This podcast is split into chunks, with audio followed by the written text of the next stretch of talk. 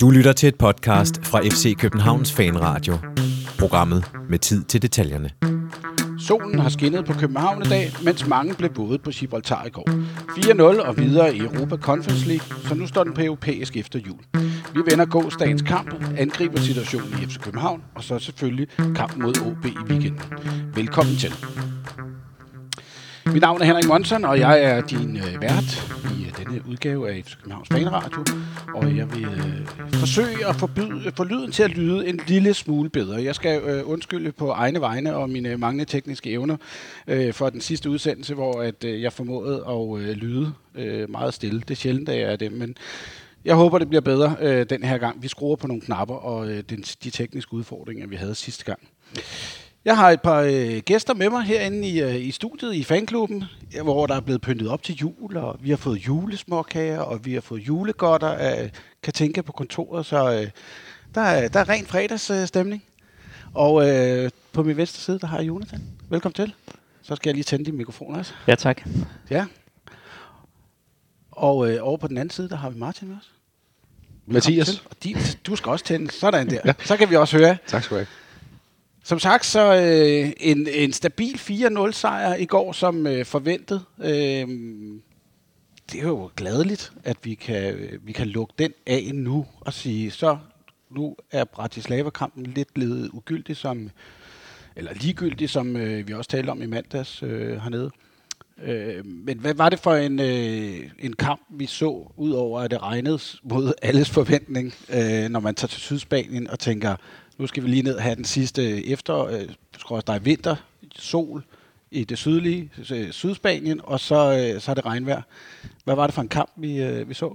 Jamen, det var jo... Øh, det, vigtigste kamp, det var nærmest den, der blev spillet ved siden af. Jeg tror, alle havde regnet med, at den der, det skulle være sikre tre point. Øh, men den skulle jo selvfølgelig, øh, skulle selvfølgelig overstås, øh, og gerne øh, med et par mål, så vi kunne, øh, vi kunne slappe lidt af og, og hvile den her øh, trætte trup efterhånden.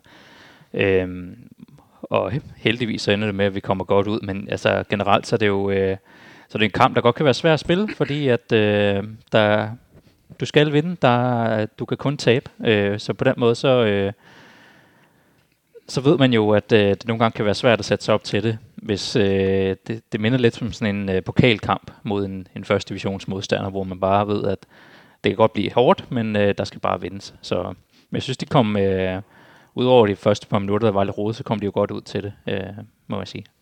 Hvis vi prøver at kigge lidt på øh, opgivelser, nu er det jo øh, første gang, vi som, øh, som klub har spillet på øh, Gibraltar. Øh, en lille ø, halvø er det, øh, klippeø øh, i det sydspanske, lidt øh, syd, en halvanden times kørsel syd for, for Malaga.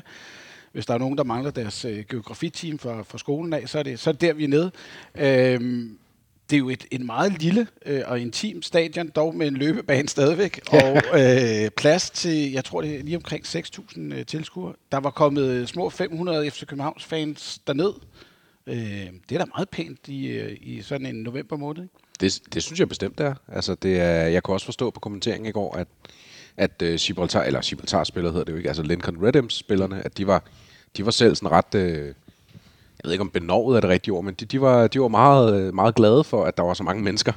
De er jo øh, tydeligvis ikke vant til at have mere end, ja, mås, lad os sige højt sat, måske et par hundrede udbanefans. Og øh, i, som sagt, som jeg sagde i, i introen, et voldsomt regnvejr, der kastede sig ind over øh, Gibraltar, øh, kunne man også se på dem, der så trods alt stod dernede, og der var også nogen, der endte med at smide, øh, smide trøjen og stå i bare overkrop. Ja. Jeg tænker, at det må være en kold fornøjelse. På trods af, at det, det lå omkring de der 12-15 grader, så er det stadigvæk i monsunregn, var der nogen, der beskrev det. Øh, måske en lille smule koldt, men det er lige så koldt at stå i en gang vådt tøj. Ja. Øh, god stemning fra, øh, fra vores fans side af. Ja, det synes jeg. Altså, det, det kom da godt ud igennem uh, tv-skærmen i hvert fald. Uh, man kan sige, at uh, ikke at det skal overhovedet skal være negativt mod, uh, mod resten af fans på stadion, men det var, jeg tror også, det var de eneste, der sådan sang. Ja. Uh, men, men jeg synes at altså, jeg har kæmpe respekt for, for det første, at der kommer så mange derned, mm. uh, men, men også, at man bare giver den fuld gas fra start til slut, især i sådan en regnvejr. At man bare vælger at sige, okay, nu er vi her, vi har ikke tænkt os at gå. Vi har ikke noget sted at gå hen alligevel i realiteten.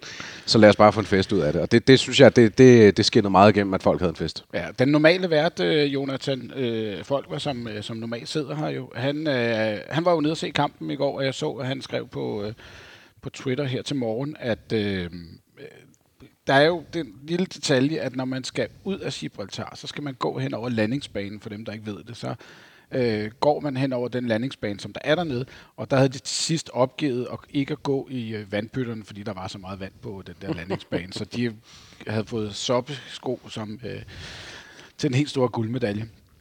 Hvis vi skal prøve at, at analysere lidt på den her kamp øh, og startopstillingen, der var en, en del ændringer. Vind var ikke med. Øh, vi havde nogle øh, kræ, påkrævede øh, øh skift, øh, udskiftninger i, i midtbanen og sådan noget. Øh, det var vel, hvad man kunne forvente, man stillede op med, på trods af, at, at det var måske meget godt at give Vind et, et lille hvil i en, efter en, en lang øh, efterårssæson. Ja, både det, og så også fordi, at der har været meldinger om, at han på det seneste har været lidt småskadet. Han måtte jo også uh, sige fra til, var det Skotland-kampen, der var nummer to i landsholdspausen, ja. måtte han uh, komme tilbage til, eller melde for afbud til. Så der har også været nogle skavanker, man har også hørt lidt om, at, uh, at han måske ikke har været helt på 100%. Så, så altså, det var bestemt også mit håb i hvert fald, at, at, at, at, at hvis der var den mindste tvivl omkring ham, at man ville ville spare ham. Ja, vi, nu øh, havde vi jo i mandags ikke en, en idé om, hvem der eventuelt blev udtaget til truppen, men vi, vi sad i mandags og talte lidt omkring det, om jeg skal, skal, øh, skal man spille en konstitution, der hedder Højlund, øh, øh, hvad hedder det, Vildtjek op foran, så kommer Vildtjek så ikke med. Og den tager vi senere, hvad, hvad, det, hvad, hvad det skal skyldes, men Øh, men vi havde da en idé om, at det var sådan en konstitution, der kunne komme i spil i tilfælde af, at Vind ikke øh, skulle spille. Så hvor var den der store angriber, vi, eller den, den opspilstation, som vi er vant til i, øh, herinde i, i FC København. Hvor var ja, han henne? Det er et godt spørgsmål, fordi han, det er jo lidt en sjov op, det er lidt sjovt eksperiment at stille op med, med fire øh, offensive spillere, der i virkeligheden alle sammen helst vil spille på tieren. Øh, så det, det er jo lidt sådan et eksperiment, fordi øh, vi har jo Pep Biel, der får lov til at spille den, og så har vi jo så øh, Håkon Haraldsson, øh, der starter øh, som den allermest, øh, den der er længst fremme, og så har vi så Børing og og Isak på, øh, på kanterne. Øh, og det giver jo ufattelig meget øh, dynamik, fordi de alle sammen er sådan lidt moderne tiger, fordi de løber meget, de er gode i presset. Øh, de er jo ikke sådan nogle øh, Rikelme-typer, der, øh, der står stille og, og slår en god aflevering alle sammen. Øh, så det er egentlig sjovt at se, hvordan det eksperiment vil udfolde sig. Det er jo en, det er, det er en god modstander at prøve det af i, fordi man, de blev ikke, øh, de blev ikke kyst på nogen måde, eller øh, for svært ved at skulle, øh, skulle afdrible nogen på den måde. Så det, man kan jo godt eksperimentere med det her, og det fungerer jo ret godt, fordi at, at Håkon især er ret god i presset øh, i forhold til noget af det, vi har set fra Jonas Vind. Så det fungerer faktisk ret godt, at man kan få nogle af, af de her løb lidt på kryds og tværs derinde i, øh, i midten af banen. Men hvad, hvad for en formation stillede vi op i i går? Jamen, det, det ligner, at vi stiller i den fuldstændig samme formation, som vi plejer, men bare med, med Havkon op, på nieren i realiteten. Ja, men, øh, altså, hvis du skal sætte den på et, et taktikbræt. Men, ja. men man kan sige sådan rent... Øh, I praksis, så blev det jo... Altså, det lignede langt hen ad vejen, at det mere var øh, 4-4-2 egentlig, fordi at de to angriber i Havkon og Pep, de begge to er de her bevægelige typer, der begge to kan gå ned i banen. Så det var som om, at de ligesom det er ligesom, at man havde valgt at sige, jamen I kan det begge to, så nu ligger I på linje, og så må I skiftes lidt. Og at være inde i det her hele rum. Altså eller? en 4-4-2 med nogle mere frie roller til nogle af, af spillerne måske? Ja. Ja, det kan man godt sige. Man har Stage og Lea inde centralt, der ligesom tager alt arbejdet og løbearbejdet mm. og sørger for... Og de var også gode til at finde deres placeringer hele tiden, så der altid var åbent. Øh, og så har du jo så de her fire mellemårsspillere rundt om der, der skifter lidt positioner på kryds og tværs. Og vi kan jo se, at i mange af situationer kommer vi forholdsvis hurtigt øh, foran både 1-0 og, og 2-0. Øh, vi er jo gode til at få vores spillere med i, øh, i feltet, og, og det, det skaber overtalssituationen, som gør, at vi, vi har jo øh, jeg kan ikke huske statistikken i første halvleg, men der, vi har forholdsvis mange afslutninger i første halvleg. Ja, og det kan også være en, en analyse af modstanderen, fordi de er jo, øh, de er jo, de er jo ret velspolstrede og kan godt slå fra sig, de her øh, øh, Lincoln-spillere, men øh, altså, så tror jeg, at man i stedet prøver at se på, så må vi ramme dem på nogle, øh, nogle mere intelligente løb, som de bliver helt forvirret af hvis der er en spiller, der løber den ene retning, og en anden spiller, løber den anden retning, hvem dækker så hvem? Ja. Så jeg tror, det simpelthen har været det, der har været, øh, der har været gameplanen. Og det, det tror jeg også sådan lidt, at øh, altså, vi kommer foran 1-0, vi kommer foran 2-0 øh, i de her to hurtige situationer. Og så kan man også godt se, at Lincoln-spilleren begynder at ændre lidt jeg ved ikke om de attitude, men, men de kommer lidt tættere på vores haser. Der bliver begået nogle, jeg vil sige til tider ret grove frispark, som ikke bliver taxeret til andet end en henstilling. Skulle han have haft kortene lidt hurtigt op, den, øh, den kære dommer? Åh, det ved jeg ikke. Jeg synes, det, det, det stillede vel egentlig okay igen, men der var, det, der var lige en periode, hvor, at, øh, hvor man godt kunne sidde og blive nervøs for, at, at, at det ville blive dyrt for os. Altså forstå ja. ja. på den måde, at vi ville komme ud af det med, med en skade eller to simpelthen. Ja. Også fordi, at øh, med den slags bane, så har man i hvert fald før hørt om, at så de ting i kombination kan, er ikke nødvendigvis super godt. Ja. Og det, Øhm. det er jo en klassiker. Der er sådan en flok teenager, der render rundt og spiller, øh, spiller bold med en, og de er godt op i 30'erne. Så er det nok lyst til at lægge de lømmene lidt ned. Ja, man kan jo genkende det fra Damusengen nærmest, ikke? at de får øh, tre gule kort, så det, det, er jo ikke, det er jo ikke alverden. Men det er rigtigt, altså, der er lige en kort periode efter, øh, vi kom foran 2-0, hvor at, at der bliver begået nogle frispark, hvor han måske lidt tidligere skulle have, have trukket et, et gult kort for at få det stoppet, men han får så i rette sat øh, et par spillere, inden han får givet det rigtige øh, første gule kort. Og, og så derefter er det rigtigt, der stiller det lidt af. Men altså, øh, ja, man kunne måske godt have hovedet på, at han, han er gået ind lidt før, fordi jeg var også nemlig, som du var lidt bange for, at, at der kom øh, ja, en, skade, som vi ikke havde lyst til at have. Ikke? Ja, men også fordi man har set det før nogle gange, når man spiller mod de her... Øh, øh, skal jo, det er vel ikke en fornærmelse at sige mindre gode hold. Ja, sekunderhold. Sekunderhold, ja. Altså, hvor, man, hvor det nogle gange er... Altså, en ting er, at, at, at spillerne på de hold måske ikke altid er så teknisk velfunderet osv., men nogle gange så kommer de også bare altså, flere sekunder for sent i taklinger, og altså ind på måder, som, altså, som, som er benbrækkende, har jeg lyst til at sige. Øhm, Så, så det, det, det er for mig altid en, en, øh, en nervøsitet med, med sådan en slags modstander. Ja. Ikke at jeg synes, Lincoln øh, specifikt er særlig slemme på det punkt, men det er bare sådan, sådan en generel øh, vurdering af, af, af de der hold på, på lavere niveau.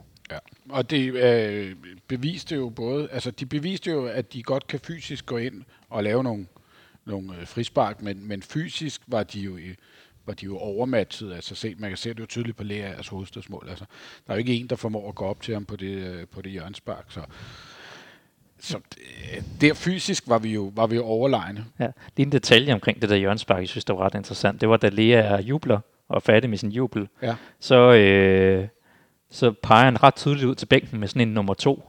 Han Altså sådan en- en, øh, To Ja, altså sådan en, altså det, det skal være den kombination. Okay. Det er som om, han har kaldt den der, det, altså det, det er ham, der kommer ind der. Altså som om, det er, ja, det er. Nå, jeg, jeg, jeg, lytte efter mig. Ja, Ja, Jamen, han det, tager de det, to fingre Ja, han til gjorde det. panden. jeg troede bare, det var sådan et eller andet, men nu er det to kampe i træk og sådan Ja, noget. det Jeg, også. jeg troede, det var det, det betød. Det kan selvfølgelig også godt være. Jeg tænker bare, at de plejer bare at have de der fingre Ja, der. præcis. Nå, det, det, det tænker jeg faktisk, du har ret i. Altså, det er også en, en mærkelig øh, gøre det. Altså, fordi at han havde, det er selvfølgelig dårligt ramt, men han gjorde det sådan, banket dem nærmest mod panden, ligesom det der loser-tegn. Ja, lige Hvis man præcis, folk kan se det for sig, bare med sådan en total eller peace-tegn. ja. Ja, lige præcis. Ja. Ja, men, nå, men vi går øh, jo sikkert til pause 2-0, og øh, der er jo ikke den store modstand fra deres side af. De har en enkelt øh, situation, hvor at, øh, vi tøver lidt ned i forsvaret. Det er sådan cirka det. Så bliver den øh, 3-0 inden, øh, efter 20 minutter i, i anden halvleg. Et Bøving for, øh, for scoret. Efter han havde en god indsats herinde i, i søndag, så er det rart at se, at han, øh, han får scoret. Et, øh, et mål, som øh, vi sad og diskuterede lidt. Vi så øh, lige highlights igen. Øh, der godt kunne have været Jørgens, eller der godt kunne have været offside på, måske. Ja, altså man, man, man så den kun én gang i tv fra en, fra en meget skæv vinkel, men, men fra den vinkel, der, der synes jeg umiddelbart, at, at det ligner der er offside. Men, men jeg er nødt til at sige, at det er en skæv vinkel, og det er svært at vurdere om deres højre bak og så videre, hvor langt nede han lige er og sådan noget. Men, øh, men det kunne godt ligne en offside. Ja, præcis. Altså de, det, det, der er sjovt i situationen, det er, at Stage og Isak har faktisk skiftet position lige i den situation. Altså hvor øh, Isak er kommet ind centralt og Stage ud på sin højre fløj. Og jeg ved ikke, om det er noget, der er bevidst for at prøve at skabe noget andet, eller det bare lige er sådan en situation, har været i presspillet. Øh, men så er det faktisk Isak, der så laver dybdeløbet, der ellers er kommet fra de to, mm. øh, som så ender med at lykkes. Øh, og så bytter man ud bagefter. Så vi får ikke se, om det, det er sådan, de har tænkt sig at spille. Men det lignede, at man har lavet en ændring der, og det gav support med det samme. Mm. Men det kan jo igen være det der med, som øh, man, man får nogle friere roller på banen, som kan gøre, at man kan, man kan flytte sig på banen i forhold til at, og, og ja, jeg ved ikke, om man skal kalde det forvirre øh, modstanderen i en form af, at de ikke rigtig ved, hvem de skal holde øje med. Hvem er det, der laver de her dybløb? Hvis man ved, det er Stage, der laver det her dybløb hver gang, så er det jo Stage, man holder øje med. Men hvis der lige pludselig er tre, fire spillere, som har en fri rolle til at lave de her dybdeløb, så bliver det jo meget sværere for, for forsvaret at, at dæmme op for. Og man så jo meget i første halvleg, der var det Lea, altså, ja. hvor, hvor Håkon og Pep Biel, de træk lidt tilbage. Øh, og så var det Lea, der, der løb ind i boksen og var den, altså, den hovedstødstærke spiller. Det var egentlig ret interessant, at de to træk ud, og så Lea ind i boksen. Så på den måde så har der, øh, der har været god dynamik i går. men jeg tror også, jeg, i forhold til det der med, jeg tænker også, at det gør et eller andet, at man spiller på den her måde med de her angriber i, i anførselstegn måske endda. Fordi at når, når man spiller med Jonas Vind, eller med en Kamil Vilcek, eller en, lad os sige, en rigtig angriber, så at sige, så vil den angriber typisk have et meget specifikt udgangspunkt, og så er det de andre, der bevæger sig omkring det. Mm. Men i og med, at man har Havkon, man har Pep, man har øh, Bøving og, og Isak fra kanterne, plus øh, både Lea og, og Stage, der, der får pladsen til at komme frem, så er der, altså, så, så er der ligesom... Altså, det er nærmest en omgang øh, øh, rundbold, skulle jeg til at sige. Nå ja, men altså, det, ja. altså de, de kan ligesom alle sammen tage hinandens position. Der er ikke en, det skal ikke være angriberen, der er inde i feltet på det tidspunkt, fordi han er den eneste, der kan være farlig i den situation. Og det synes jeg var meget fedt at se, hvad det gjorde ved vores hold. At have den her fuldkommen bevægelighed. Det bliver mere dynamisk. Altså, det må man sige. Det bliver ikke så øh, stringent og, og, og ja, ensformig opspil, mm. hvor man skal op på den der store øh, øh, angriber, som vi har været vant til herinde. Mm. Øh, men synes I så, det, det ændrer det sig, da, da Højlund kommer ind? Eller fortsætter vi på, på samme måde? Fordi ja. han er jo den der halvtarget force, eller øh, hvad hedder det, angriber, som bare med, måske med lidt mere speed end, ja, det, bliver end lidt mere, det bliver lidt mere klassisk. Vi hiver Pep Biel ned i to minutter øh, på centralt, og så øh, Håkon ned på 10, og så Højlund ind foran. Det er kun lige, indtil, det er kun lige et par minutter, indtil vi skifter igen, men der bliver Pep Biel hivet ned. Men det bliver lidt mere den klassiske øh, 4-2-3-1-struktur, der kommer ind der. Og øh, en, en ni minutters tid efter, at, øh, at Højlund er kommet ind, så får vi en, øh, en ny, endnu en, en ung en ung spiller ind, en øh, Daniel Har Hårbo, er det det? Hedder han Hårbo eller Harbo, eller hvad? Hårbo, vil jeg Hårbo, tro. ja, ikke? Ja. Endnu en fra FCK-talent, som ja. øh, i den her sæson, jeg synes, jeg læste tidligere i dag, at det er den 9. Øh, FCK-talentspiller, der er der har fået spilletid i år. Ja. Det er alligevel vildt. Ja, og man, man kan sige, ud af de ni, så er det jo faktisk kun, øh, altså der, der er det Darami og Jonas Vind, der for bare et år siden var ja, i første holdet overhovedet, i, i betragtningsførste, tror man. Resten af dem er, er, jo, er jo kommet til siden da. Mm. Der er, øh, nogle af dem er jo, man kan sige, Victor Christiansen fik debut i, mod Avarta, Tors første kamp. Bøving fik så øh, foråret før mod, mod, øh, mod Aalborg. Men ellers, det er jo ikke nogen af, der er jo ikke nogen af dem, der har været inde i nærheden af første Højlund var med sidste år, var han ikke det? Eller var det? Jo, men han kommer, han kommer netop også ind om, ja. i to års periode der. Ja. Øh, altså, det er ikke for at sige, det, altså, det er jo også to år, men det er også en effekt af, af noget af alt det nye, man gør. Men det er bare det der med, at, at syv af de ni, som du nævner der, de er jo, de er jo som forholdsvis ret nye til holdet. Ja. Hvor de to andre er nogen, der har været der, øh, været profiler i et stykke tid efterhånden. Ja. Men det, det er jo også, øh, altså vi har jo vendt det her ned før, det her med, at vi har haft en, to gyldne årgangen i vores U17 og U19, og vi kan se, at de fortsætter jo nu med at være øh, ubesejrede. Øh, så øh, der er meget talentmasse i vores talenter lige i øjeblikket, så det er jo lige før, man har et positivt problem i forhold til, hvor mange talenter, som der rent faktisk er. Vi så også, der har været et par forlængelser, som, som, som nogle af de unge spillere, der, der får forlænget deres kontrakter. Ja. Øh, så det, det er ekstremt spændende, hvad der sker i øjeblikket. Ja, og øh, det, øh, PC blev også spurgt om det. Øh, ikke dig, men faktisk den rigtige PC. øh, da Jonathan og Nikolaj, de havde, øh, og Martin havde special med ham her for en hvad, to uger tid siden og sådan noget, hvor han jo også åbner op for, at, at man kommer til at benytte sig mere af, af udlejning af spillere. Øh, må vi se, hvad for en grad det bliver af, og i hvilken øh, øh, måde det bliver gjort på, men men det er da noget, jeg håber, man gør sig mere i. Altså lidt alla, ikke for at vi skal gøre det som dem, men lidt alla Midtjylland for eksempel, der i den her sæson har fået en Unietica tilbage fra et udlån, og som bare går ind. Og det siger jeg ikke, at alle skal gå ind og stemple ind på samme måde, men det her med, at du ligesom kan vokse en spiller, i stedet for at han, han skal ligge i periferien af et hold hele tiden, indtil han enten er blevet for gammel og ikke har udviklet sig nok, eller til han en dag får chancen måske. Ja, altså det, det jeg så ikke kan lide ved deres øh, udlej, det er det der med, at de bruger Fredericia som øh, satellitklub, hvor de... Øh, ja, ja, nej, men det er også derfor, jeg siger, at det er ikke, fordi vi skal gøre præcis som dem. Men, samme men, klub øh, på samme tid, ikke? Ja, ja, nej, men det, og det er jeg heller ikke fan af. Nej. Men øh, ja. Nå, men øh, vi kan ikke komme ud om, hvad, hvad, som vi også sagde i, i introen, det bliver 4-0, og øh, så øh, kan vi jo trille stille, trille stille og roligt på europæisk øh, sommer, eller vinterferie. Nu har vi en enkelt kamp mod øh, Bratislava til sidst her øh, den 9. Mm. i 12. Ikke? Yes. Ja, herinde i parken. Hvad skal, vi, øh, hvad skal vi bruge den kamp til? Ja, altså gå, øh, gå fint på juleferie og holde en julefrokost bagefter. Øhm, det, det, det er super vigtigt, at vi får den der første plads for at få den her vind, lange vinterpause. Ikke at de skal starte op to uger før en træningslejr, ikke? Øh, og det kommer oveni, at vi røver ud på pokalen, så vi har heller ikke den her december øh, og kvartfinalsrunde, som de andre spiller, så vi får pludselig en måneds længere ferie end for eksempel FC Midtjylland. Mm. Det, det, det, det er en kæmpe gave i forhold til, hvis vi gerne vil vinde det her mesterskab. Øhm, selve den sidste kamp, altså ja, vi diskuterede lidt før vi startede på, skal vi, øh, skal vi bare sende U19-holdet og dem, der har lyst til at bruge lidt spiltid, eller prøver man at få lidt ære ind i det og slutte godt af. Det bliver nok en, en blanding af en eller, en eller anden art. Øh, dem, der er allermest taget, får nok hvilet for, for tidlig ferie, og så stiller vi nok med øh, et fornuftigt mandskab. Kunne det være samme startopstilling, som vi havde i går? Ja, så hvem, hvem derfra har spillet meget? Det har Pep Biel Jeg vil tage Bøjlesen ud af den i hvert fald. Ja. Ja. Så Men det er også fordi, at jeg tænker også tilbage i sommer med især Bøjlesen og Jonas Vind, der fik utrolig lidt ferie. Ja. Øhm, jeg har ikke kunnet lade være med at tænke, om det har haft lidt at gøre med, med Vinds generelle efterår, men, men om ikke andet, så, øh, så håber jeg i hvert fald, at de to, de, de får lov at drosle lidt ned efter, efter kampen i Aalborg her på søndag. Ja, fordi øh, altså det hele, af, det hele øh, har jo afgjort sig på, at, at øh, vi selvfølgelig vinder nede øh, på Gibraltar, og så øh, spiller øh, Pauk og, og Bratislava så 0-0, øh, så at vi ikke længere kan nås.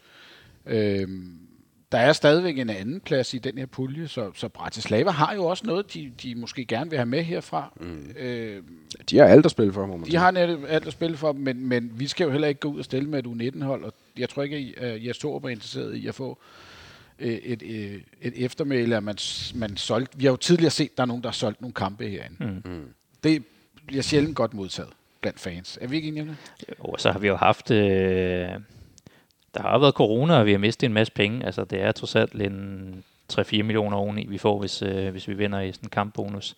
Det giver også lidt. Altså, nu, nu så jeg, at, øh, at Kiwi havde, havde optegnet, hvor meget vi havde tjent i, øh, i, i Conference League i alt. Øh, hvis man tager de her bonusser for at kvalificere sig til, øh, til 8. finalen med. Altså, der med en uafgjort eller en sejr, kommer vi på den anden side af 70 millioner, vi har skrabet ind i det her gruppespil. Det er altså ret fornuftigt. Øh, og jo mere vi kan få ind der, jo bedre. Ja, der er ikke nogen tvivl om, at øh, selvom man fra starten måske troede, at den her turnering ikke var øh, den store pengemaskine, så er det jo vist, at det, det kan godt betale sig at vinde de her kampe. Ja, og den ikke er så langt fra Europa League, rent økonomisk. Det, Ja. det har i hvert fald overrasket mig. Jeg Det troede, jeg overrasket troede mig, det- spændet ville være større. Ja, ikke? Ja. Så øh, hellere være måske i en, øh, i en, øh, i en øh, lavere rangeret liga øh, europæisk og, og vinde flere kampe og tjene flere penge, end at være i en hård liga europæisk og, og ikke vinde så mange kampe og ikke få så mange penge. Ja, det, Skal man gøre det op i ja, penge? det, ja, nej, men altså, altså jeg, for mig er der personligt også noget, og det er også en af grunden til, at jeg ikke har været, jeg har aldrig været sådan en super stor modstander af Conference League. Men det er også fordi, jeg, jeg ser en turnering, som et godt FCK-hold kan øh, komme langt i. Ja. Altså nu er vi i 8. finalen. Nu må vi se, hvem man trækker. Øh, så er man en knockout-kamp fra en kvartfinale. Og jeg ved godt, at kvartfinale i Conference League er ikke det samme som Europa League. Men bare det der med at komme til de der afgørende, til de afgørende kampe i, øh, i en europæisk turnering, det, det synes jeg er, er stort. Og, altså, så, dårlig en turnering er det altså heller ikke, når du kigger på navne. Hvis du kigger på alle de hold, der øh, vi, vi kan forvente øh, kommer i playoff-runden, altså som så skal møde, spille om at møde dem, der er blevet etter i vores gruppe, eller i vores øh, turnering. Der er mange gode hold.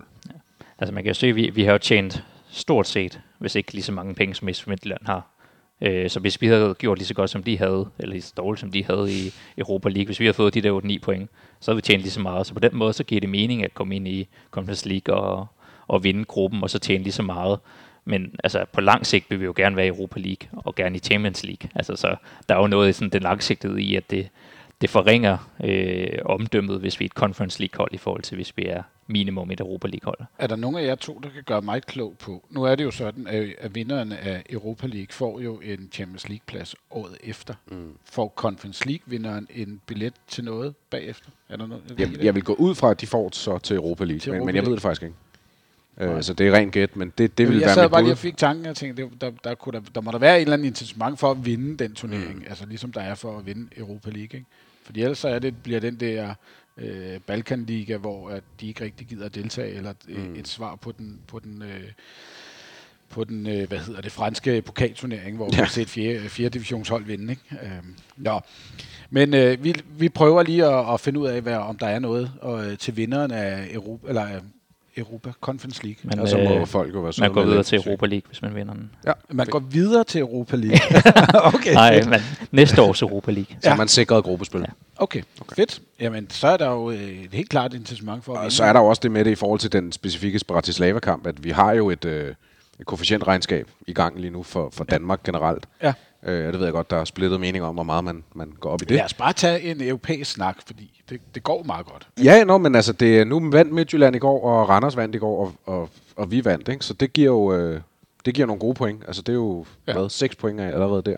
Og, og vi står i den situation, at øh, øh, Midtjylland kan godt stadig gå videre for deres gruppe. De er sikret at gå videre til playoff. De er sikre til at gå videre for playoff. Randers øh, ligger på nuværende tidspunkt to og skal så møde øh, De møder øh, AZ Alkmaar A- AZ på Alkmaar udebane. på udebane, som er gået videre som etter i puljen. Yes. Så de kan potentielt nøjes med... Øh, de kan ikke nøjes med et point, fordi... Jo, det kan de godt, fordi... Ja, men problemet er, at øh, Jablonec, som ligger et point under dem, To, ikke? Nå. Jamen, ja. det er et. Nå, nu bliver det lige øh, for åben skærm her. Ja. Men i hvert fald, Jablonec, de møder Cluj, og Cluj, de er ude. ja. Cluj, de kan ikke nå nogen. Det er meget spændende pulje, Øhm, de er i der. Så altså, hvis vi antager, at Jablonec ligesom... Der er et point. Der er et point imellem, ja. Ja. Så hvis Jablonec, de slår Cluj, hvilket man godt kan forvente umiddelbart, jamen så skal Randers jo også op og vinde. Så skal de op og vinde. Ja. Så Øh, de skal, for, og fordi de, det er Conference League, så kan de ikke bruge en tredjeplads til noget. Så det skal være anden plads for at komme i den her playoff-runde. Ja. Ja. Det, det, som Danmark jo spiller efter, det er så 15. pladsen, som betyder, at Ja.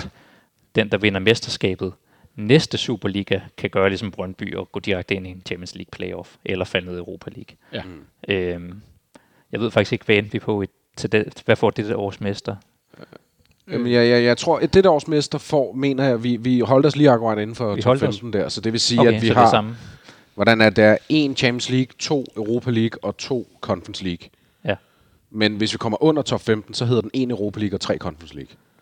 Kvalifikationsvejs. Det vil sige, der er der ingen mulighed overhovedet for at komme i, øh, i Champions League, og der er kun et hold, der har mulighed for at kvalificere sig til Europa League. Okay. Hvis vi kommer under top 15. Ja.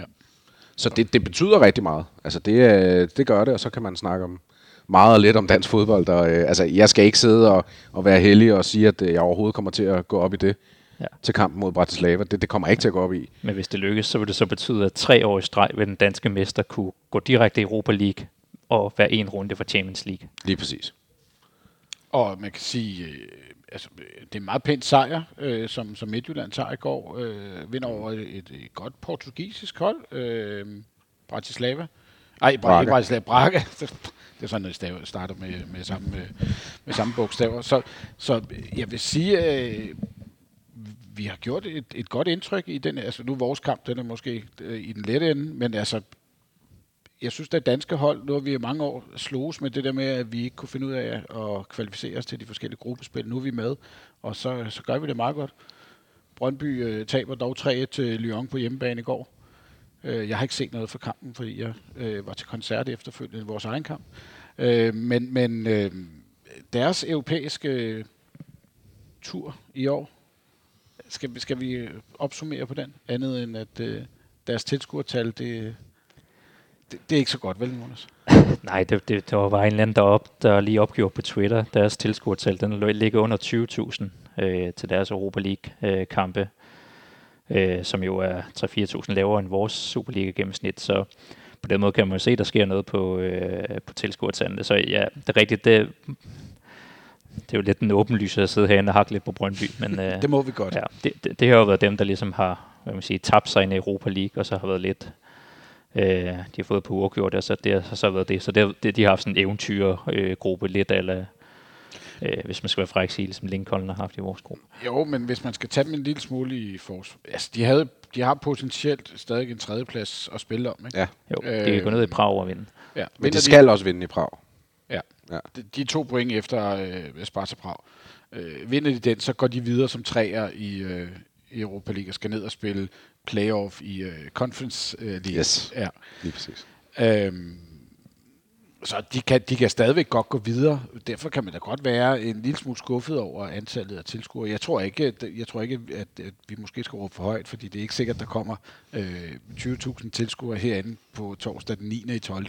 Når at, øh, det bliver spillet kl. 21, og at øh, vi er gået videre. Ikke?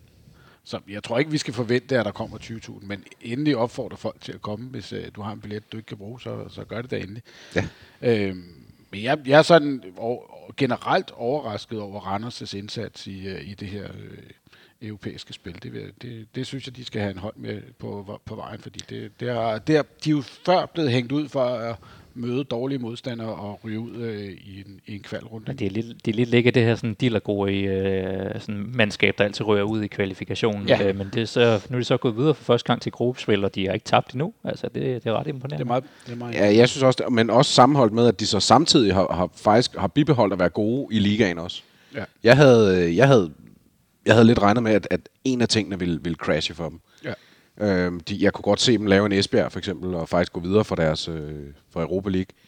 Men Esbjerg samme år, hvis jeg husker rigtigt, de lå altså også bare helt Ja. nede i bunden. Det gjorde de. Det, gjorde de. Øhm, så ja, det, det, det er jeg den i- meget, meget imponeret over, Anders. det er jeg også. Og vi lukker den europæiske øh, snak der. Yes, så fik vi en breaker på os, og det var øh, min, øh, min evner som DJ sidste gang, der ikke gik så godt, men det går meget bedre. Nu har vi snakket meget omkring den her kamp og vores mål, og vi scorer i går, og det er super fint. Øh, men vi sad før vi gik på, og vi har også løbet af dagen siddet og skrevet lidt øh, frem og tilbage omkring hele den her situation, omkring vores spil, vores øh, formation, øh, angriber situationen i FC København. Øh, Jonas, hvad er dit take, take på vores angriber situation i FC København? Altså, vi har jo angriber. Nu har vi i dag fået meldt ud af den kære øh, polak øh, Vilcek. Han har fået corona, så han er i hvert fald ude. Han har nok spillet sin sidste kamp i, øh, i det her efterår, ikke? Jo, Øh, måske, måske, i, i alt Ja. herinde. Det, det ved man ikke. Det Ej, skal man ikke spekulere Det, i. nu. det kan man have lov at gætte på.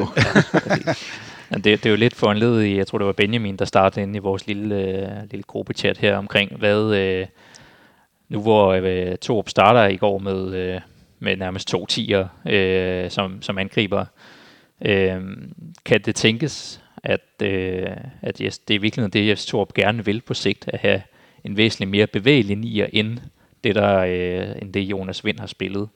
Fordi man så, da han kom ind sidste efterår, så prøvede han som det første, ud over de her par kampe med tremandsforsvar, at spille 4-3-3 med Pep Biel i en hængende, øh, og så have meget, øh, meget dynamik op foran.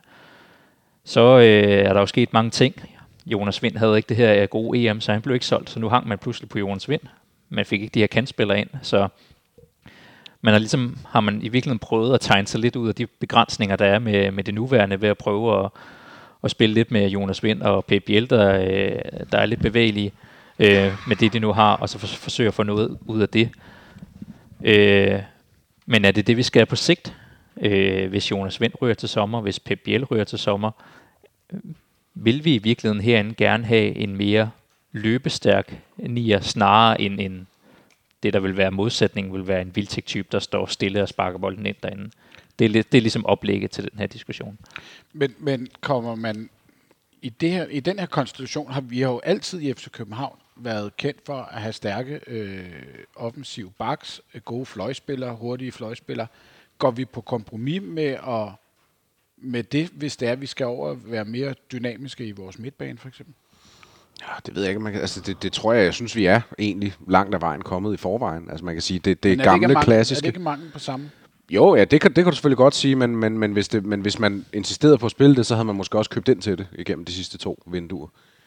Øh, jeg synes jo, der er det med, øh, med vores angrebskonstellation lige nu, at Jonas Vind, han er, øh, han er rigtig, rigtig god til rigtig mange ting, men jeg synes, at som vi spiller lige nu med en, lad os kalde det 4-2-3-1, med en 9'er spidsangriber, der synes jeg, at Jonas Vind, han ender lidt med, og har gjort det store del her efter, han ender lidt med at, at falde ned mellem to stole på en måde. Forstået på den måde, at han, han er ikke helt hurtig nok til at være den her dynamiske spiller, der falder ned og vender, og, og måske også sætter en mand og er en del af spillet, angrebsspillet derfra. Og han er ikke stærk nok i feltet, eller mest nok, øhm, hvad kan man sige, har nok målnæse, har næsten lyst til at kalde det, til at være sådan en rigtig nier. Han er sådan lidt en mellemting mellem det. Og i vores nuværende taktik, hvor i hvert fald med den mangel, vi har på kanter lige nu, så, så, så, så synes jeg, det giver en mangel til vores offensiv. Jeg synes, det har været tydeligt at se i store del her i efteråret. Og det er også, det er også lidt af det, øh, hele snakken den gik på, om vil Jes måske egentlig hellere have, at han er også inde på det i øh, interview i Mediano her i, i sidste uge, eller den her uge, hvor han bliver spurgt til, om han vil, vil han hellere have en mere stationær angriber. End, og, så, og så bruger Monnerup, han, øh, han bruger Jes selv som eksempel, altså en stor øh, angriber, som, som Jes Torp selv var engang. Og det, det, det mente han sagtens, han ville kunne, kunne spille med også. Så jeg, jeg, jeg ser problemet som værende, at, at du har ikke en, der er fuldgyldigt en af tingene. Altså du har en, der ligesom er en blanding. Han er rigtig, rigtig god til det, men vi mangler en, der, der er ekstra god til den ene ting, hvis man kan sige sådan. Øh, det er sådan, jeg lidt ser på det.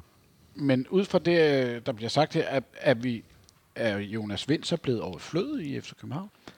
Nej, det synes jeg ikke. Jeg synes, man, man forsøger at bruge ham, men det som, øh, som Jes Torp siger i det her interview, det er jo, at man forsøger at få Jonas Vind til at lave noget ravage ved at tage nogle, nogle, øh, nogle, nogle anderledes løb, så forsvaret bliver forvirret, og så kommer det egentlige våben i virkeligheden øh, fra de sekundære løb. Mm. Biel, der kommer ind i boksen, Stage, der kommer ind i boksen, og så skal de score, snarere end det Jonas Vind, der skal score. Det er det, man har forsøgt at gøre det her efterår. Øh, med spørgsmålet om det er det, man gerne vil på sigt. Mm. Øh, det, der vil være ulempen ved, at vi ikke har en klassisk FCK-angriber, en Døje, Santander, Cornelius, mm. øh, det er, at selvfølgelig så, øh, så mister vi et element i hovedspillet, øh, offensivt, men i virkeligheden også defensivt. Altså, vi har jo nogle problemer på Jørgens Park, og ja. der plejer det øh, traditionelt i FCK at være en af de her store angriber, der har den her frie rolle, der, skal gå, der må søge bolden og hætte den vægt. Det vil være en ulempe. Ja. Men altså, fodbolden skal jo også bevæge sig videre. Vi kan ikke, altså, vi kan ikke sidde fast i 4-4-2 øh, for altid. Nej, så, øh. fordi at, at i den sidste periode af, af Ståle-æren herinde, der så man jo tit, at... Øh, at der var mange, der havde gennemskuet os. Altså den måde, vi spillede fodbold på, med klassiske spil op af fløjene, et indlæg ind til en stærk angriber. Skal vi som fans der og se væk fra hele det her og sige, det er ikke den måde, vi spiller fodbold på mere i FC København? Ja, det tror jeg. Det tror jeg. Altså meget firkantet setup, ja. Altså, vi havde en diskussion, nu nævnte du vores lille gruppe, hvor vi mm. sidder og, og diskuterer forskellige ting, vi skal diskutere her.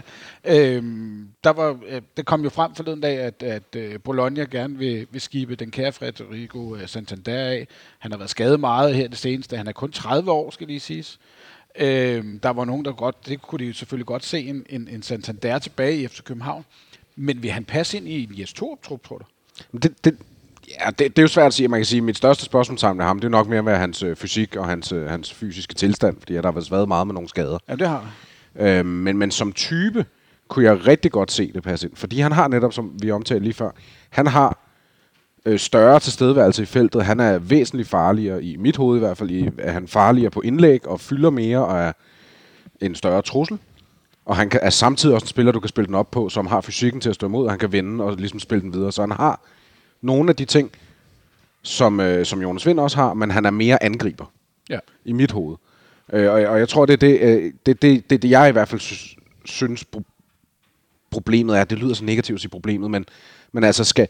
Man, man, man, Ja, man skal finde en retning på en eller anden måde. Er det, en, er det en, øh, altså ikke fordi vi skal sidde og definere lige præcis, at øh, en FC København-angriber, han ser, han ser sådan her ud, tegnet i X, Y eller Z, men er vi mere over i en type som, Fre, øh, Frederik, skulle jeg sige, som øh, Peter Møller for eksempel, der var jo meget stationær og stod inde i feltet, og bare var stensikker på sine afslutninger? Jeg er virkelig lidt uenig i det her. Jeg tror, at det er en, det er en anderledes type, jeg hører som bevægelig type. Og det er i virkeligheden... Øh, nu sidder jeg her og tænker over, hvad, hvad kan være inspirationskilder. Jeg tænker måske mere en type som Josef Poulsen, øh, Roberto Firmino. Altså, altså af typer, mm. jeg, prøver, jeg prøver at finde sådan nogle... Ja, ja, det er fordi, jeg ser skrækslag. Ja, ja, jeg, prøver, jeg prøver at finde sådan nogle arketyper for sådan en, ja. altså en bevægelig angriber, som ikke nødvendigvis er sådan en, der hugger 1000 mål ind, eller som øh, kommer bravende igennem luften, eller som heller ikke nødvendigvis er en lille øh, Håkon Haraldsen-type. Men sådan en, der er sådan lidt sådan en, øh, en løber på en eller anden måde. Det, det, det, det er sådan det, jeg ser for mig op i hovedet, når jeg hører Jes Torp snakke. Altså, det, det er jo tit, at man... Øh, Nej, ikke tit. Det er noget, nu fik jeg lagt forkert ud. Men øh, vores gamle landstræner herinde, Morten Olsen, havde jo den her flosk med, at øh, øh den første forsvarsspiller, det er, angribs, det er angriberen. Er det, nu, fordi vi netop på tidligere har været inde i det her med diskussionen omkring vores presspil, hvornår skal det starte, hvor skal vi presse hen af, skal vi længere frem på banen er det sådan en, nu siger du bevægelig spiller, er det, er det sådan en desteret presspiller i en angriber, som... som en Pieters. ja. Ja, måske. ja, nej, men, men jeg, er faktisk, altså jeg, er faktisk, jeg er faktisk enig i det, Jonas siger, og jeg tror også, det er det, jeg, jeg, det er det, jeg prøver at sige, men ikke kan finde ud af at sige, det er, at, at, at, og det er det, jeg mener med, at det, det, det er det problem, jeg ser i Jonas Vind lige nu, fordi jeg synes, han, han mangler noget for at være den der mere bevægelige, lad os sige Firmino, Josef Poulsen, lad os tage de eksempler. Der mangler han simpelthen noget fart. Altså, hvor han er rigtig god øh, stationært og virkelig dygtig teknisk. men han mangler noget fart til at altså, komme ud i det rum og bevæge sig rundt i rummene. Øhm, og mangler så også samtidig i den, i den, anden, i den anden ende. Men, men jeg tænker også, altså det, for mig tror jeg ikke nødvendigvis behøver at være en stor angriber. Altså, i princippet tror jeg sagtens, at, øh, at Torb han ville kunne arbejde med en, øh, lad os sige, en, øh, en, en ure, en, en Poirier, altså en, en målskytte, der, der, der primært er det, fordi han så vil modellere de offensive spillere bag ved ham, til at så er der måske flere af dem, der, der agerer lidt med mellemrum, og så har du skarpretteren, eller skarpskytten, eller hvad du skal kalde det, og foran sig. Så jeg tror ikke, at det er, fordi det skal være en bestemt type, Nej, nødvendigvis. så... Ja. Ej, jeg vil ikke sige, det, det skal så ikke være at komme an på modstanderen, men, men det jeg startede med at sige, det var sådan, at, at, at er Jonas Vind blevet overflødig, eller vendt den på den anden side, skal vi hellere finde en anden rolle til ham? Ja, det, det, er jo, det er jo lidt sådan et, øh, det, er lidt, det, er jo, det er jo et problem, vi står i, som er sådan lidt... Øh, som Ja, er sådan lidt kommer, det, til, det, at, det vi er kommer svært, til at det, gå på kompromis med nogle andre ting, ja. hvis det er, at vi skal give ham en specifik rolle, fordi. Ja. det kan komme på bekostning af Pep Biel for eksempel. Jamen, det, det er et dilemma, fordi at vi jo elsker Jonas Vind, og han, kan, han er så dygtig til de ting, han gør, Mm. at du ikke kan smide ham ud. Eller Præcis. sådan. Altså, han, vi, vi er nødt til at prøve at pumpe ham op til godt salg, men så hvad er det, der sker til sommer? Det er det, der er interessant. Ja. Og hvis Pep Biel rører samme ombæring, så kan det være, at det er en større redesign af angrebet, der virkelig kommer til at ske. Også med et par kantspillere til vinter. Jeg tror, at øh, det jeg jo hører også, når PC snakker, det er jo, at man vil gerne have fart. Man vil gerne have, øh, man vil gerne have noget power ind. Øh, og så den her bevægelighed, man kan se, de, de træner på. Øh, jeg, jeg tror, det er det, er det, som de går efter. Og Jes Torup siger jo også, at han må- har måttet gå på kompromis med et, et presspil og trække holdet længere mm. tilbage på banen for at lukke i, fordi der er mange mål, vi lukkede ind i sidste sæson. Mm. Men det lyder som om, at det han, altså hans masterplan er også, at vi ligger højere på, på banen med et højere pres. Så det vil jo kræve spillere, der kan det. Og det er Jonas Vind ikke, øh, det er ikke hans spidskompetence lige nu. Nej, men så er det jo, at han skal være den der øh, frontangriber, som ligger det første pres, og som, når vi har bolden på egen banehalvdel, skal være opspilstationen til de bagvedliggende øh, fire midtbanespillere, fire-fem midtbanespillere, som så skal bringe det videre derfra. Og så skal han vel i feltet. Er det ikke, er det er det ikke der, vi skal hen? Ja. Jo, men jeg Hvis synes hans faktisk, rolle skal er- defineres på en eller anden måde. Jo, men jeg synes faktisk, man, man, øh, man formåede at løse det meget godt de sidste par kampe i foråret, altså i mesterskabsspillet, hvor man, vi startede i 4-3-3 i helt klart for, så kom vi over i en 4-2-3-1 med Vilcek på toppen, der scorede nogle mål. Så kom vi tilbage i en 4-3-3 igen, hvor man ligesom havde, havde redesignet presspillet. Netop, tænker jeg, på grund af Jonas Vind, så i stedet for at han lå som det forreste prespunkt, så gjorde man faktisk sådan, at når vi pressede, så lagde han sig ned på lidt sådan 10'er position, og så de to kanter lagde sig nærmest op som angriber, og så pressede vi den vej igennem. Øh, og det var jo, man kan sige, det var en, en modellering ud fra, at, at, at der kan du bedre bruge vind i et presspil. Og så havde, når vi så havde bolden og, og var offensiv, så, så lå han så i den her rolle, som, som jeg stadig synes, at den han er allerbedst i, altså den her falske nier-rolle, hvor at, hvor der, men det kræver så, at der kommer en hel masse andet omkring ham, og det havde vi ikke på det tidspunkt. Spørgsmålet er, om vi kan få det nu. Øhm, men, men, men ja, jeg synes jo, det er den er svært. Jeg vil også sige med Theo Svend, nu, nu er, lyder det, som om jeg er meget efter ham, det er jeg måske også. men, men det, altså, for det første vil jeg sige, det er jeg, fordi at han er en af vores største profiler, så derfor har jeg også større forventninger til ham. Ja. Så er den ligesom øh, øh, fastlagt. Så derfor har jeg også store forventninger til ham. Det, det når jeg gerne. Men jeg vil også tro, jeg vil også sige, at vi var inde på det før i forhold til, en lang pause til ham kan måske godt gøre underværker i forhold til foråret. Altså, jeg, jeg, jeg synes, han har lignet en, og det er, det er meget øh, fananalysering, det ved jeg godt. Men han har set træt ud til tider. Og om det er den der lille pause, der gør det, eller om det er mange kampe, eller en blanding af alt muligt andet, det ved jeg ikke. jeg tror måske, og det er rent gætværk, jeg sidder og kommer med her. Han har måske været påvirket udefra af, af mange forskellige ting. Han, han spiller godt op til EM, bliver udtaget til EM, mm. får ikke særlig meget spilletid øh, under EM, øh, kommer så tilbage til, til hverdagen, øh, lidt senere end alle andre, fordi han lige skulle have noget ferie. Øh, så kommer vi herind, og så lige pludselig kommer der en turbulent tid med hans far mm. og opsigelse. Altså, tror du, der kan være noget påvirkning fra, udefra, eller er han, han, er han en, en, en øh, hvad fanden skal man kalde ham, en, en stålfast fyr? Det er spekulation. Jeg, jeg, jeg, jeg havde en idé om, øh, da jeg så det her Christian Eriksen uheld herinde, altså der, hvor han stod og, og havde tårer i øjnene, at jeg, jeg tror, han var en af dem, der blev meget påvirket Ja. af den og skulle, og har ikke nået at bearbejde det der, fordi han jo netop, han havde en uges ferie, og så skulle han i gang med Superliga, øh, som var, var fuld gang, og så tror jeg også det her, at Per Vind bliver fyret, at det er, det, det er et, ja, det, det er ren spekulation. Det virker bare, når man sådan, øh, følger så meget med, at det, der er noget, der har, har sat sig i ham. Mm. Men jeg tror, det primære problem er, at der måske bare mangler et alternativ, fordi det er ham, der skal løse alle udfordringer. Der er bare forskel på, når vi møder Nordsjælland og Pauk og mm. nogen fra Gibraltar og mm. Silkeborg. Altså, der, der, er bare ikke, der er ikke alternativer, fordi Vildtjek øh, har været syg hele tiden, og Højlund er der ikke endnu.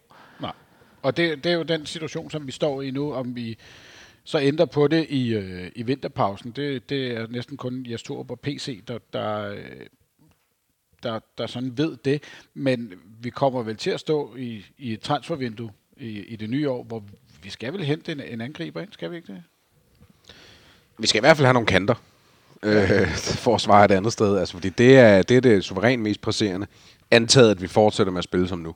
Men hvis du så, nu ved jeg godt, grundlaget for i går øh, og modstanderens øh, kvalitet, er måske, har vi så stadig behov for nogle kantspillere?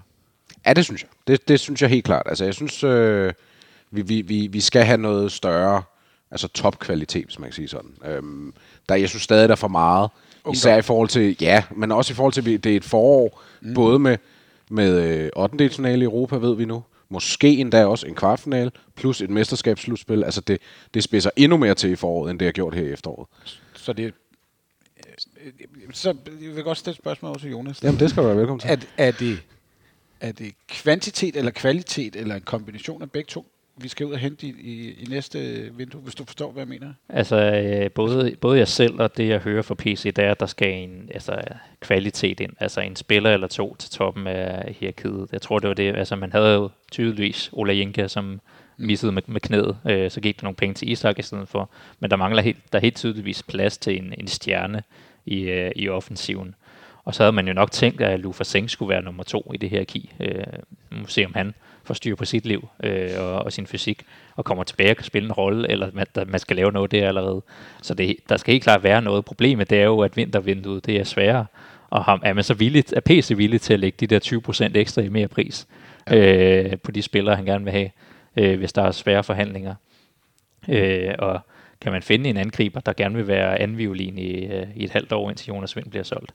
Der, der, det bliver svært, men jeg synes da ja, der skal lægges kvalitet til Øh, fordi vi har alle de her ungdomsspillere, der kommer op, og det er dejligt. Vi elsker vores, øh, vores U19-spillere, der mm. kommer op, og vores egne drenge.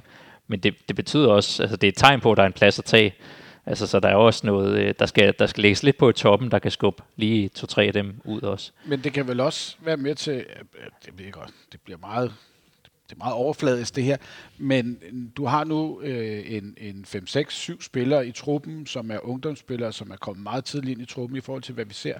Så kommer der et transfervindue, hvis vi går ud og henter tre rutinerede, øh, kl- ikke klassespillere, men, men spillere, som kan gå ind i, i, øh, i startopstillingen. Mm.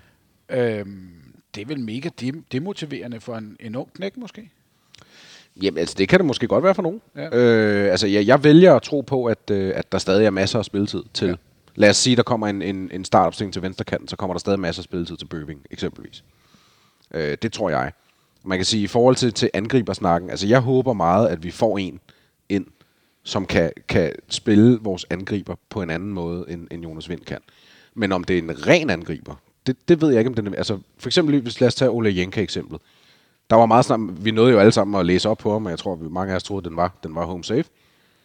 Og det, der kom igen på ham, det var, at han var, han spillede primært venstrekant i Prag, men han havde også spillet, eller ja, i Prag, øh, man havde også spillet mange kampe som angriber, og var også generelt en type, der fungerede godt som, som angriber, fordi han, havde, han var stor og stærk og hurtig, og, og var, virkede også ret træfsikker i feltet. Så jeg har et håb om, at man finder en offensiv spiller, som kan dække både angriber og kant. Altså, så man, så man, altså, det, men med den tanke, at det så øger kvaliteten på den spiller, man henter, i stedet for at for at kunne hente en rigtig, rigtig god angriber, så er du nødt til at garantere om spilletid. Forestiller jeg mig.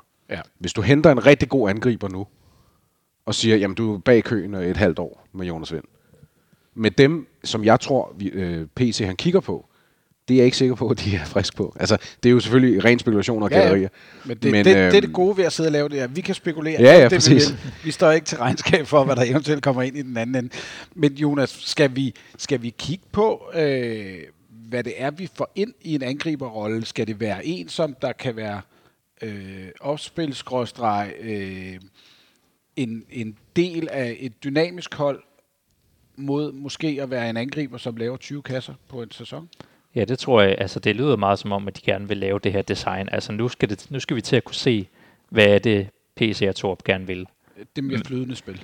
Og Ja, ikke- præcis. Altså, ja. de, de vælger helt sikkert deres typer. Jeg tror ikke, de bare tænker på, øh, på det næste halve år, hvad vi lige har brug for. Jeg tror, de, de ligger på i forhold til, hvad skal det her blive til hen over Mm. de næste to-tre år. Øhm, og der er helt tydeligt også, også en oprydning, de er i gang med, som de startede i sommer, som de ikke er færdige med.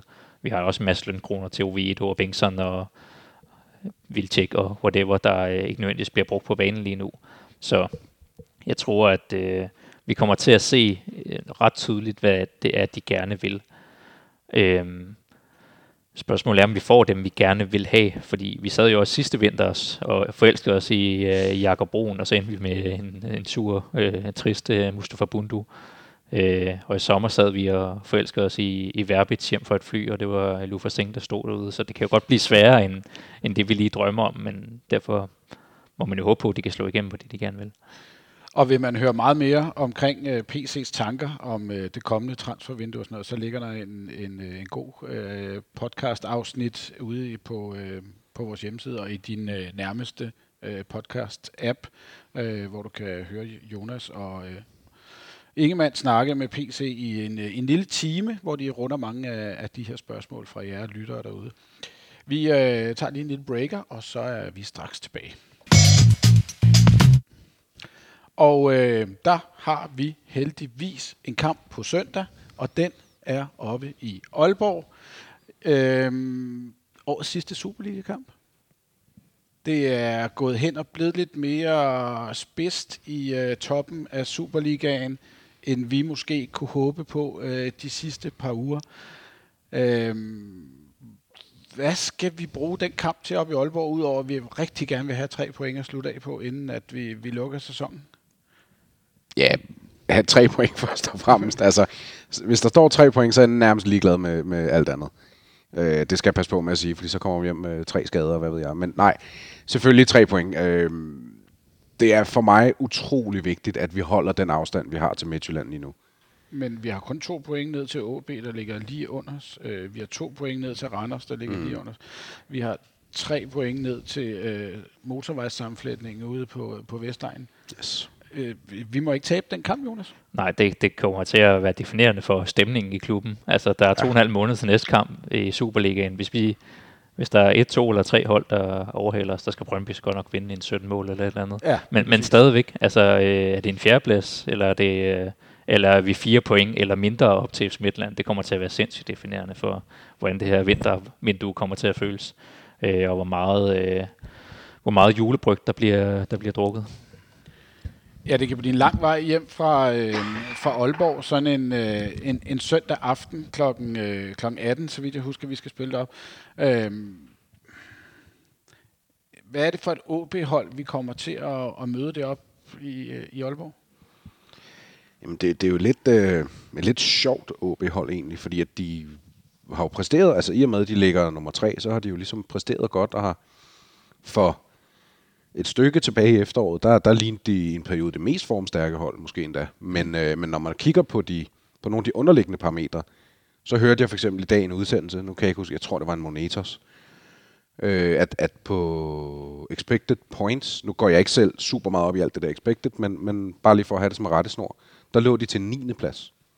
Altså, så de har virke, altså de har, de har overpræsteret i forhold til, hvordan med spillerchancer og så videre. De har scoret, så vidt jeg lige har kunne se, de har scoret en del mål på, altså de var ret farlige på dødbolde. Øhm, men, men, men jeg synes, det der hele tiden går igen, når jeg hører folk udtale sig om OB, når man ligesom prøver at se øh, OB-folk på Twitter osv., på en eller anden mærkelig måde har jeg ikke en fornemmelse af, at de føler, at det hele, at det på noget tidspunkt er klikket fuldstændig her i efteråret. Måske, altså udover måske lige en eller to kampe i træk. Øh, at, at det er som om, de ikke helt har fundet opskriften, på trods af, at de faktisk øh, præsterer rigtig fint pointmæssigt. Men det, det, det går også sådan lidt i øh, bølgegang, hvis man skal mm. bruge det. Øh, en floskel. Fordi de, de, jo, de vinder jo de der kampe mod dem, som der ligger i under top 6. Som vi nogle gange har lidt problemer med at slå herinde, for eksempel. Mm. Øh, men til gengæld, så kan de også lige pludselig tabe 5-2 til, til øh, Viborg på hjemmebane. Altså, men det, det er jo sådan en, en, en svær modstander, som man ikke rigtig ved, hvad, hvad man kan forvente af, når man går på banen. Ja, overordnet må vi sige, det, det, det, det er jo en god OB-sæson, fordi det der ligger, hvor de ligger, men det er meget frem og tilbage. Så taber de øh, tre kampe, og så vinder de tre kampe. Jeg tror lige, de, de på, kommer lige for sådan syv point eller sådan noget i sidste tre kampe, så det er jo, øh, det er jo relativt mm. fint.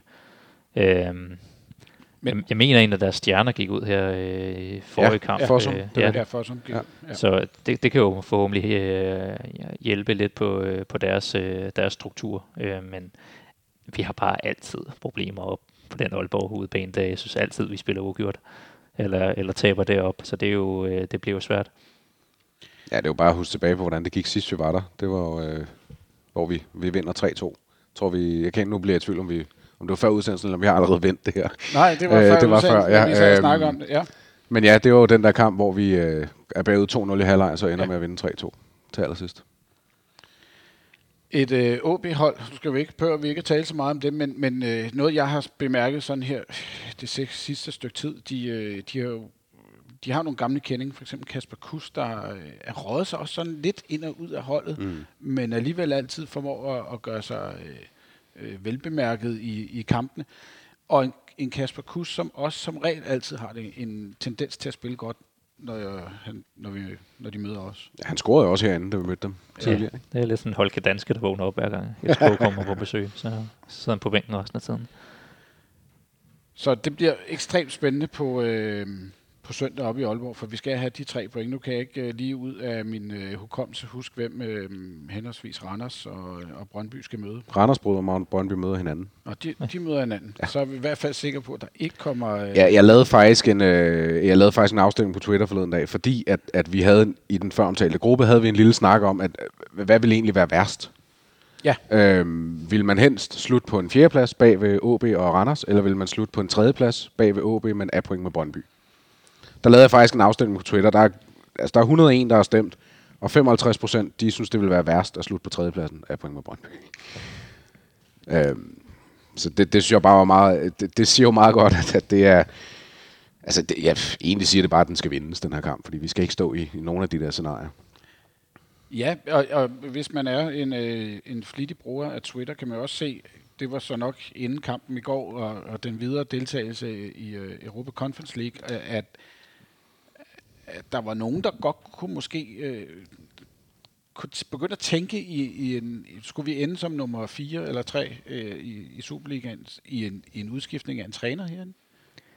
Ja, den, det er lidt drastisk, er det ikke Ja, det? den diskussion vil jo komme der, hvis vi ligger på en fjerde plads i de her to og en halv måneder til næste kamp. Altså, det er jo, han er jo ikke, han er ikke PC's mand, så men der, der, der, er jo en, der er en vis øh, sandsynlighed for det. Jeg ved ikke, om den er stor, men der er jo en sandsynlighed for, Øh, jeg tror meget, jeg tror mere det er fansene end, øh, end sportsdirektøren, der tænker i de baner. Men, øh, Jamen, det giver da fuldstændig ret i. Ja, og der ja. kan jo komme et pres, hvis det er ja. den stemning, man går på juleferie med, at det altid bliver sådan lige ved næsten. Altså, at det, er, vi, er vi egentlig et tophold, eller er vi bare et godt subtophold? Ja, der tror jeg godt, jeg vil skrive under på mit kendskab til PC og hans øh, væveren for pres for fansene. Den, den tror jeg, han har sagt det i vores podcast flere gange, han han har stor respekt for, at fans har et krav og, øh, om, og et pres på klubben og på truppen og alt, træneren og alt det her. Men jeg tror ikke, at han er en, der bæver i sin, i sin beslutninger i forhold til, hvad holdningen er på nederse eller sektion. Ja, men han har også nogle, øh, han har nogle over sig selv, der måske øh, det er rigtigt. kan være agere lige så øh, irrationelt. De er ikke så store fodboldfans.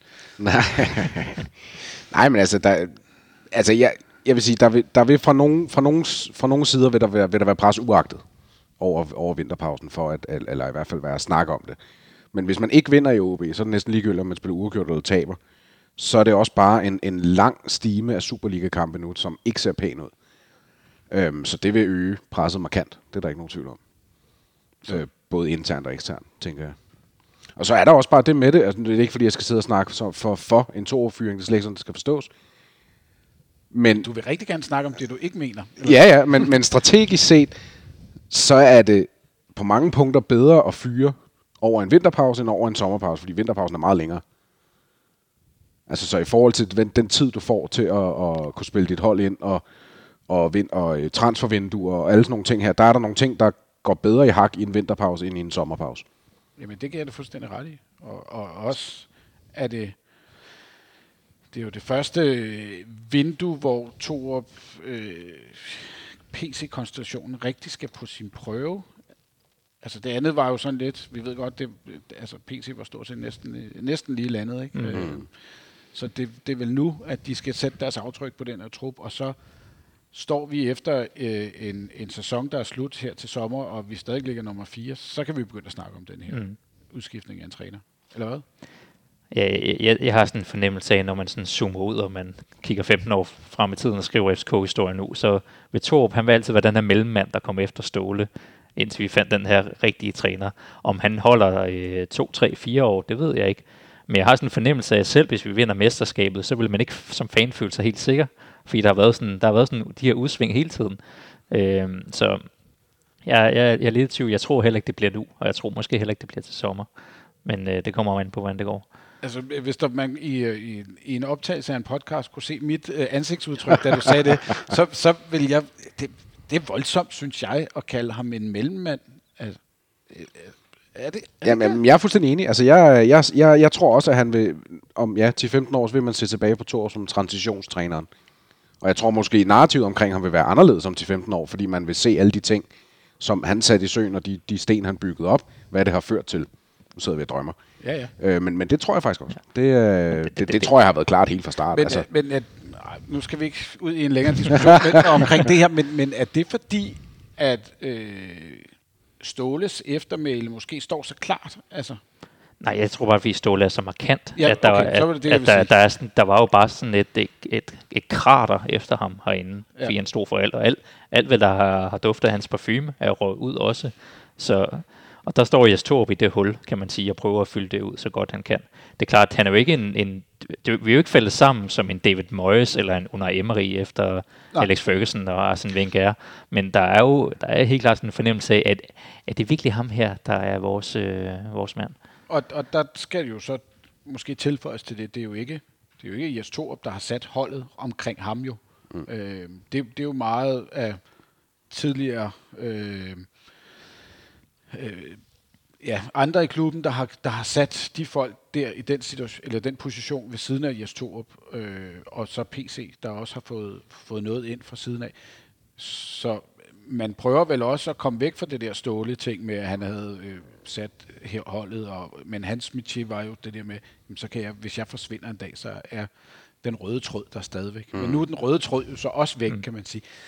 Øhm, er det måske bare en organisation, som ikke er afhængig af træneren, på samme måde, som vi har været vant til? Ja, det kan du godt sige. Altså, det er jo, det er jo en af de ting, man har lykkedes med at, at, at dele det op på den her måde, og skabe både så stærkt et team på træningsbanen, men også i forhold til at have træner, sportsdirektør og udviklingsdirektøren i Sune Schmidt Nielsen. Altså, der, der, der er helt klart en, en man er, det ligner i hvert fald, det ved vi jo i realiteten ikke, før det bliver, øh, før det bliver testet, Nej, nej. men det ligner, at, øh, at, at, det er at det, man lykkes med, ligesom at gøre det mindre sårbart.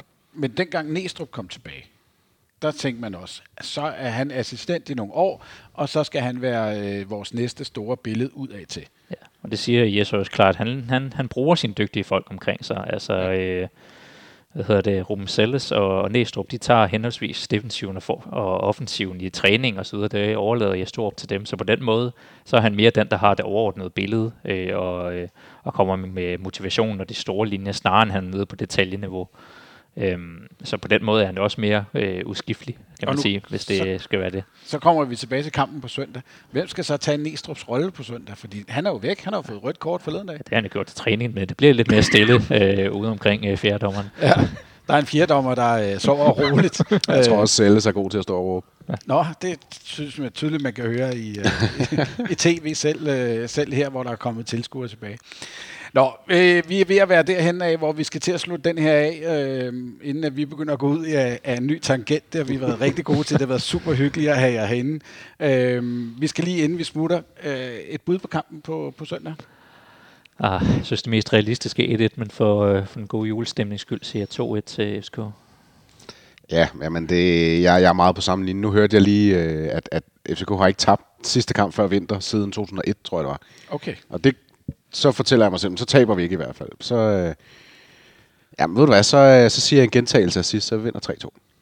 Okay, 3-2. Jamen, jeg er lidt mere, jeg synes, vi er ved at have, hvis jeg kigger på statistikker og alt muligt andet, så er vi ved at have styr på vores øh, defensiv. Vi har ikke lukket så forfærdeligt mange mål ind. Jeg tror, det er 12 stykker i, øh, i de indtil videre 15 kampe, vi har spillet i øh, Superligaen, så vi vinder 2-0. Så det bliver mit bud øh, herfra. Skal vi lukke den på den? Ja. Så siger vi tak for i dag, og øh, på genlyt, og husk, at I altid kan støtte op om os øh, ude på øh, 10.dk. Øh, vi er rigtig glade for øh, alle de øh, dejlige øh, tilskud, vi får, så vi kan få en ny mikrofon eller en ny øh, laptop, eller hvad vi andre vi skal bruge af udstyr. Jeg håber og satser på, at vi øh, kommer stærkt tilbage øh, på mandag med en øh, nedtakt og øh, højst sandsynligt også en optakt til øh, en, en øh, europæisk kamp, men godt nok først den 9. Det kan godt være, at det bliver til to. Det finder vi ud af. Men øh, rigtig mange gange tak for, at I lyttede med. Vi vender snarest tilbage. Tak for i dag.